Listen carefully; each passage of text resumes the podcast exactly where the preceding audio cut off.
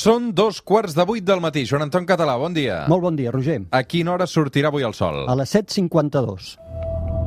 3, 2, 1, seganya!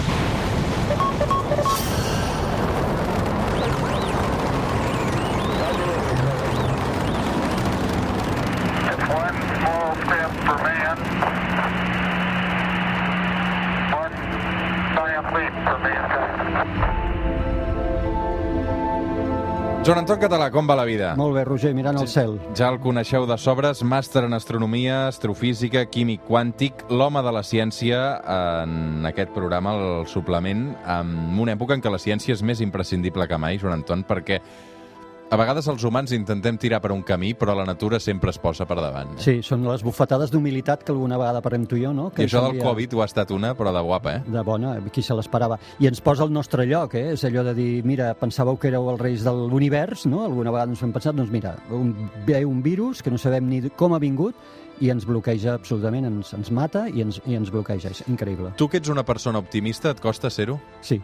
A mi em costa ser-ho, a veure, ho saps que ho soc i per tant sé que la, la humanitat se n'ha sortit de coses molt pitjors que això, molt pitjors. Què passa? Que ara ens toca a nosaltres. Tu i jo estem visquent en un moment que mm, bueno, teníem pau de fer molts anys en aquest país, hi havia una certa calma en molts aspectes, en altres no tantes, no tant, però en, en molts aspectes, i mira, ara ens toca viure això, per tant estem tots patint. Jo sóc optimista a mig i llarg termini, no tant a curt termini, perquè ens queda tot el tema de la recuperació econòmica, ens queda demostrar que tenim solidaritat, que és un valor que la nostra societat no ha sabut mai jugar i ara el necessitarem més que mai. Ens queda molta feina ara. Mm -hmm. Joan Anton, com que la Terra no l'arreglarem, No. mirem cap al cel, que també està per arreglar. Tot just per començar, d'acord? Exacte, esperem que no l'espatllem, si més no. Avui és un dia assenyalat, és 4 d'octubre, comença la Setmana Internacional de l'Espai.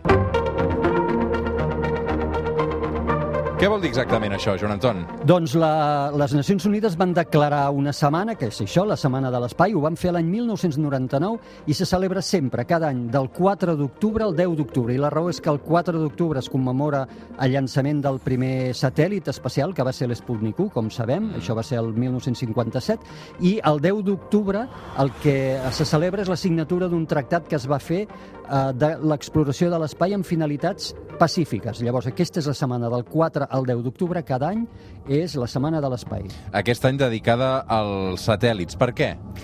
Clar, els satèl·lits són, són ginys que els tenim constantment eh, girant per la, per la Terra i que no hi pensem gens. De fet, és gràcies als satèl·lits que tenim moltíssimes de les coses que, de les quals gaudim. Entre elles, doncs, eh, comunicacions a llarga distància, televisió, ràdio, telefonia, tant fix eh, com a mòbil, el GPS, per suposat, la geolocalització, la meteo, la predicció del temps, el seguiment del canvi global. És dir, hi ha moltes coses de les quals gaudim, però ningú no hi presta gaire atenció, estan per allà girant, i si més no hi ha gent que hi tenim una mica de por, no? que diem, ah, però tot això és ferralla espacial i estem contaminant l'espai. Llavors, una mica l'objectiu d'aquesta setmana de l'espai dedicada als satèl·lits és reflexionar sobre aquest equilibri que tenim entre... Són uns equips que necessitem, obligadament avui, per tota la tecnologia i el nostre model de vida, els necessitem, però cura, perquè hem també de vetllar per un bon ús d'aquests satèl·lits. Aquesta setmana, si entreu a arroba estels i planetes, que és el Twitter del Joan Anton Català, em va cridar l'atenció, diu, diumenge entrem a la Setmana Internacional de l'Espai declarada per l'ONU l'any 1999. Aquest any dedicada als satèl·lits, ginys que ens permeten comunicar-nos, navegar per internet, veure la tele, saber on som o decidir si hem d'agafar el paraigües o no. Què en penses d'ells? Preguntava el Joan Anton Català a Twitter i va fer una enquesta. Imprescindibles, podríem viure sense ells, són un problema, em fa por. Quatre opcions. Doncs bé, 72% d'aquests vots que hi ha hagut diuen que són imprescindibles, per tant, crec que hi ha una consciència bastant important, Joan Anton, que els satèl·lits, eh, tal i com entenem avui dia la vida, eh, doncs no podríem viure sense ells. Sí, i per mi va ser un resultat eh, no sorprenent, però agradable des del punt de vista de que és això. Jo penso que a pesar de que volem que ens preocupa el tema de la ferralla i el, el fet de que hi hagi tants equips orbitant, tots 72% de la gent que va contestar se'n dona compte de la necessitat de que tinguem aquest tipus d'equips. Anem una mica a la història del satèl·lit, Joan Anton. Quin va ser el primer satèl·lit que va arribar a l'espai? Aquest Sputnik 1 eh, va agafar per sorpresa els Estats Units, no? Absolutament. És, Li han passat la mà per la cara, no? M'encanta aquesta història perquè tant espionatge i tanta cosa entre els soviètics d'aleshores i els americans i els va enganxar totalment desprevinguts. Eh, Va ser a l'octubre de 1957 i els russos soviètics en aquell moment van enlairar això, el primer satèl·lit de la història, que era simplement, sempre ho explico igual, però és que és així, una bola de metall que estava buida per dins i portava un transmissor que, que feia bip, bip, bip, només feia bip, bip, bip, però la cosa d'aquest bip, bip, bip és que qualsevol un aparell de ràdio d'aquella època podia captar, si sabia la freqüència, podia captar aquest bip, bip, bip, i això incluïa les llars americanes. Llavors, imagina la pressió que van tenir els americans de que... Quina humiliació, no? Total, qualsevol en un equip de ràdio el sentia l'Sputnik fer bip, bip com passava per sobre dels Estats Com van Units. reaccionar els americans? Uh, malament, van molt ràpid i malament. Clar, Eisenhower, que era el president, hi havia molta pressió en aquell moment, va agafar els seus equips, bàsicament eren equips militars, tant de les forces aèries com de la marina, com de les forces de terra, i els hi va dir, què tenim? Però així, eh? Què tenim? I llavors van dir, mira, tenim diversos projectes, però no estan llestos, quin és el que més llest tenim? I era un que es deia el, Vanguard TV3, Uh, TV3? Sí. Com deia la tele? Vanguard- Sí, sí, Vanguard TV3. Com la nostra? Sí, sí. És... crec Vam que... enviar crec... la tele a la lluna? Sí, però no va sortir gaire bé, eh? Ah. Aquest, no, no, gens bé, perquè els hi va esclatar davant de les càmeres a pocs metres d'enlairar-se, de començar a enlairar-se el coet, però van tenir tan mala fortuna que el satèl·lit que portaven a dalt del coet no, no es va trencar, diríem, i va rodolar per terra fins a arribar en uns, a prop d'uns contenidors. Uh, els titulars superautocrítics, com sempre, dels americans, els diaris americans el dia següent, tenien titulars com Kaputnik uh -huh. i uh, subtitulars com mentre l'Sputnik està enviant-nos bip, bip, bip des de l'òrbita, el nostre Vanguard està enviant bip, bip, bip des del cubell de les escombraries. Llavors, imagina't com va anar la pressió, encara es va accentuar molt més. Mm -hmm. Escolta'm, eh, els soviètics van guanyar aquesta cursa perquè poc després també va arribar aquesta laica, no? Sí, tornen... Eh, ells no descansen i mentre els americans encara s'estan recuperant d'aquesta enorme bufetada, van i un mes després, és a dir, el novembre del 57, envien l'Sputnik 2 que porta la gossa laica, per tant, el primer ser viu que se'n va a l'espai i això, clar, representa moltíssima més pressió eh, per als Estats Units. I crec que final, uh, finalment els Estats Units van aconseguir enviar l'Explorer 1, Exacte. que me n'has parlat alguna vegada. Sí, això és el gener del 58, per tant han passat uns mesos, recordem, octubre del 57 Sputnik 1, novembre del 57 Laika, i ara ja, gener del 58, finalment els americans aconsegueixen enlairar el seu primer satèl·lit, que és l'Explorer 1, amb, amb molt d'èxit, perquè a més és un equip que ja porta, no només porta un bip, bip, bip, sinó que ja porta eh, elements per fer, eh, per capturar dades científiques. Joan Anton Català, sempre diem que els satèl·lits estan en òrbita. Això exactament què vol dir? Eh? És molt, molt divertit i Que curiós. pol·lulen pel cel? No, que giren al voltant de la Terra. És a dir, estan en òrbita a la Terra vol dir que giren, sembla una obvietat, no? Que giren al voltant de la Terra. El que potser no sembla tanta obvietat és que girar està en òrbita, i això inclou els satèl·lits, però també inclou a l'Estació Espacial Internacional, i jo ho dic, quan ho dic es genera molt de merder a les xarxes, eh, quan dic això. És caure constantment, és estar en caiguda lliure. La gent pensa, o pensem en general, que orbitar és simplement això, girar, i ja està. No, no.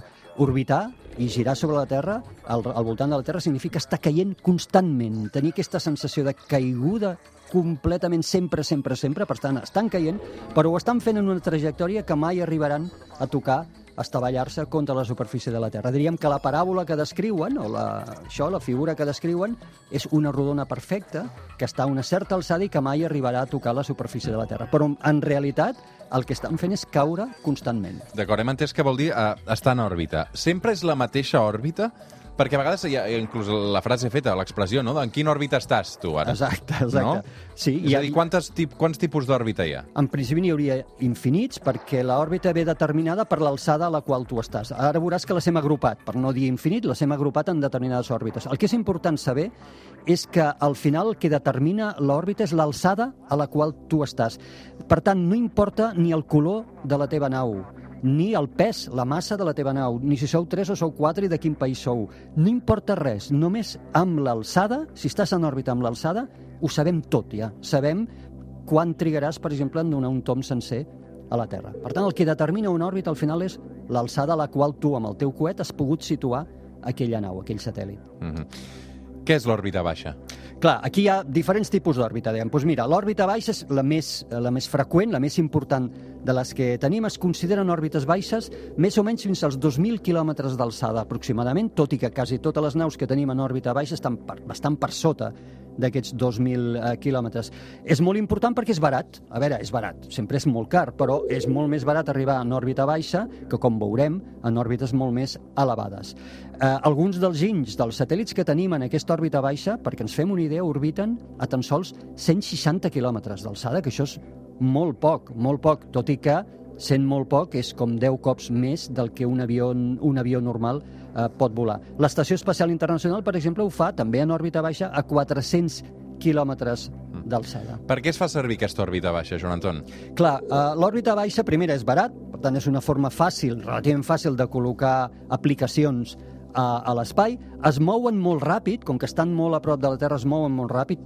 Típicament, un satèl·lit en òrbita ba- baixa es pot estar movent uns 8 quilòmetres eh, per segon. Per exemple, l'Estació Espacial Internacional dona un tom sencer a la Terra en una hora en una hora i mitja, i llavors és molt útil per equips, per exemple, que hagin de generar imatges, mapes, cartografia, perquè eh, transiten molt ràpidament per sobre de grans regions de la Terra i ho fan un altre i un altre i un altre cop molt ràpidament. Llavors, això, són molt útils per cartografiar, prendre imatges, perquè estan en òrbita baixa, això uh els, també els permet prendre imatges de, de precisions.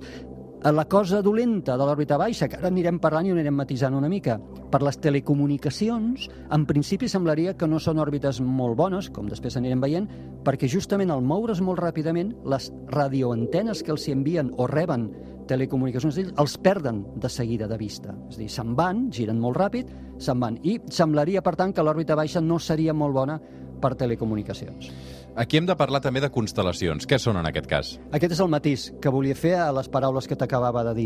Les constel·lacions és una forma d'intentar solucionar aquest problema que et deia, de mm, que l'òrbita baixa de la Terra, que és la més barata, en principi no serviria per aplicacions de comunicacions. I llavors les constel·lacions són eh, un conjunt de petits satèl·lits, normalment són molt petits en mida, que eh, combinats eh, un a l'altre s'ajuden a donar grans cobertures. A pesar de que estan en òrbita baixa, a pesar de que es mouen a molt alta velocitat i a pesar de que les estacions transmissores o receptores de les dades d'aquests satèl·lits els perden de seguida de vista, si tu ets capaç de posar-ne molts en el cel, sempre en tindràs en qualsevol moment algun d'ells que serà que hi tindràs contacte directe. I això són les famoses constel·lacions de, de satèl·lits que s'estan mirant sobretot per un concepte que fa molt de temps que corre, que és l'internet de les coses. És a dir, tu ara imagina't no? a una vaca, a un ramader, posar-li un xip, de forma que no tan sols pots geolocalitzar, geolocalitzar aquella vaca,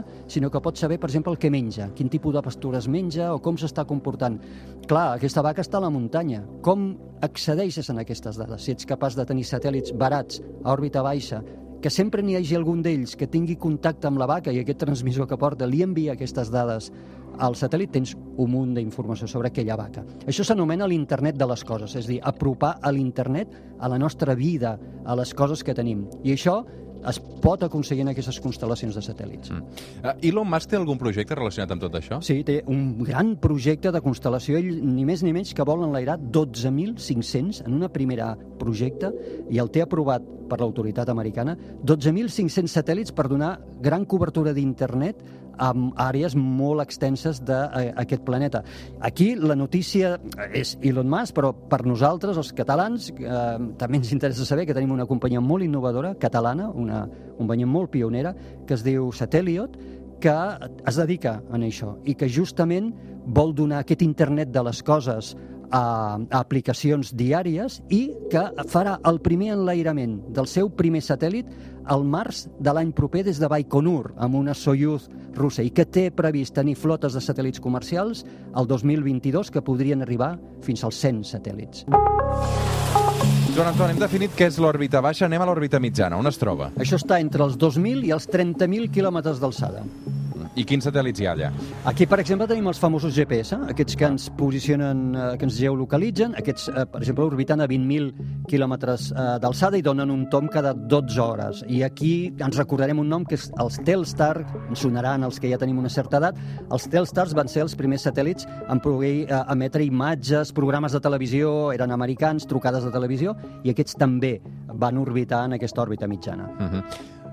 Mitjana, baixa i geoestacionària. Quina és aquesta? que és super important. Geoestacionari, el nom el que indica és que estan a una alçada que eh, romanen immòbils, aparentment immòbils, sobre una mateixa regió de la Terra. Vol dir que donen un gir complet a la Terra, igual com la Terra gira sobre ella mateixa, en 23 hores, 56 minuts i 4 segons. I això els fa estar quiets sobre una mateixa regió. Són molt importants. Uh, per, què? per què són tan importants? Clar. Quina funció fan? A l'estar quiets, per exemple, són els famosos satèl·lits de la Meteo.